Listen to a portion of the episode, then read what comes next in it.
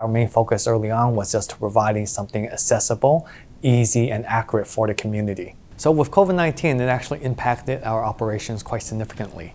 We actually decided to you know, play a very active role with COVID-19 in terms of actually providing testing. Starting in April, we provided COVID-19 testing here in Hong Kong. And in the UK, we also provided COVID-19 testing to the Premier League, eventually helping them resume their season uh, and certainly Liverpool won. So you know, to date, we have now performed over you know, 400,000 PCR tests, and certainly even a few weeks ago, we made an announcement where uh, we acquired an Oxford University spin-out company called Oxsed, which actually developed a rapid COVID-19 test. We have grown significantly from it. Wise, our, our core focus was again, you know, creating something for the community. I think the key thing now for us is okay, how do we further innovate based upon what we have already done? Right, so we're looking out, you know, one, two, three years, and even you know, uh, life after COVID.